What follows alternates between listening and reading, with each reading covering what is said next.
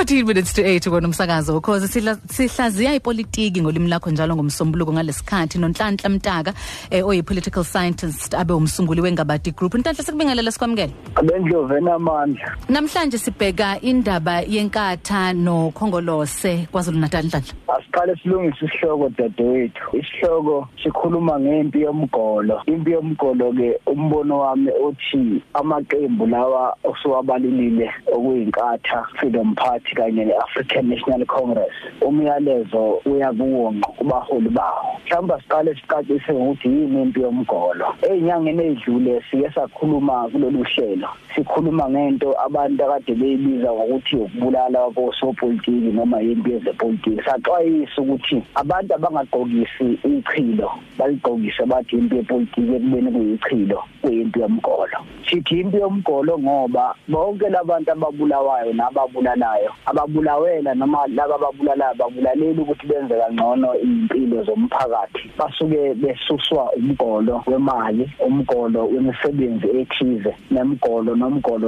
ofuna ukuba namandla. Ngakho ke impi enjalo ayikwazi ukugqokiswa ipolitiki ngoba uma igqokisa ipolitiki igcina isingathi yinhle igcina sengathi ubuqhawe isenzo obuqhawe kanti yichilo lamaqembu ke sikhuluma ngawo asisho ukuthi amanye amaqembu ngeke ahlaselwe lesihlava kodwa wona ngoba ayazi aphuma eminyakeni ka1993 na1994 la khona lahlekelwa khona abalandeli abayizinkulungwane. Ubufakazi sinabo uma sikhuluma ngalowo mlando ukuthi njalo mabona bobabili njengamaqembu ohlanga bekhuluma izwi elifanayo behlangene.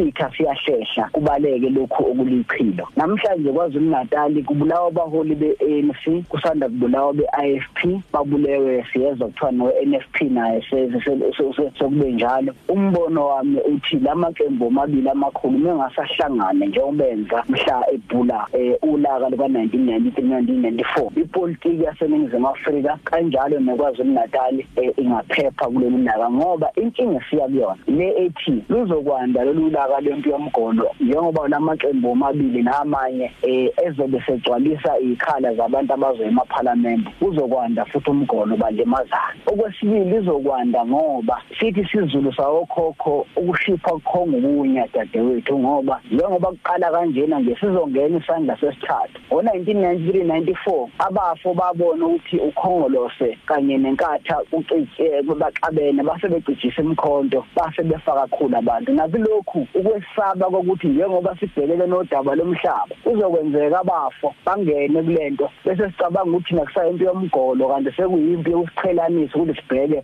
udaba lomqoko lokusihlanganisayo okuyinto yomhlaba. Ngamafuphi lithe lami okwamanje abantu abangasilekelela ukhongolose nenkatha. Sizwile ukubabaza kumntwana okwaphinda angene njengomholi weIFP sakuzo ukubabaza kwamnumzana uRamaphosa njengomengameli weANC lithe lami kuhle impela kodwa inkinga nikhuluma emachwebeni enu nikhuluma emaqenjini enu ake nenze lokho enakwenza ngo1994 nikhulume ngazulinye kuzosibalekela lokukhuluma ngoba uyeza dadewethu basazolala abantu uqale kuba umgolo njengoba sibabaza umgolo nje kodwa sizongena isandla sesithathu ngoba uma ufuna abohlanga bangayikhuluma indaba yomhlaba lo wafuneka ubuye wobenza balwe. Khona bezonaka ukubhula umlilo bayikhuluma udaba lomhlaba. Bazongena abafonga kudala kodwa kushawa November iyobe ingaseyona yomgolo kuphela iyobe siphephezela nangabantu kuzwakala kahle kakhulu eh nhlanhla sibonga kakhulu ukuthi ube nathi lapho sihlaziya khona ipolitiki ngolwimi lakho uma ukuthi ufisa ukuthi uxhumane naye ke unhlanhla mtaka ungabhala nhlanhla mtaka @icloud.com noma umlandele ku Twitter @nhlanhla mtaka siba naye njalo ke ngomsombuluko ngokwara 28 There are people that got to me. Registered must fall. Hamba phambili.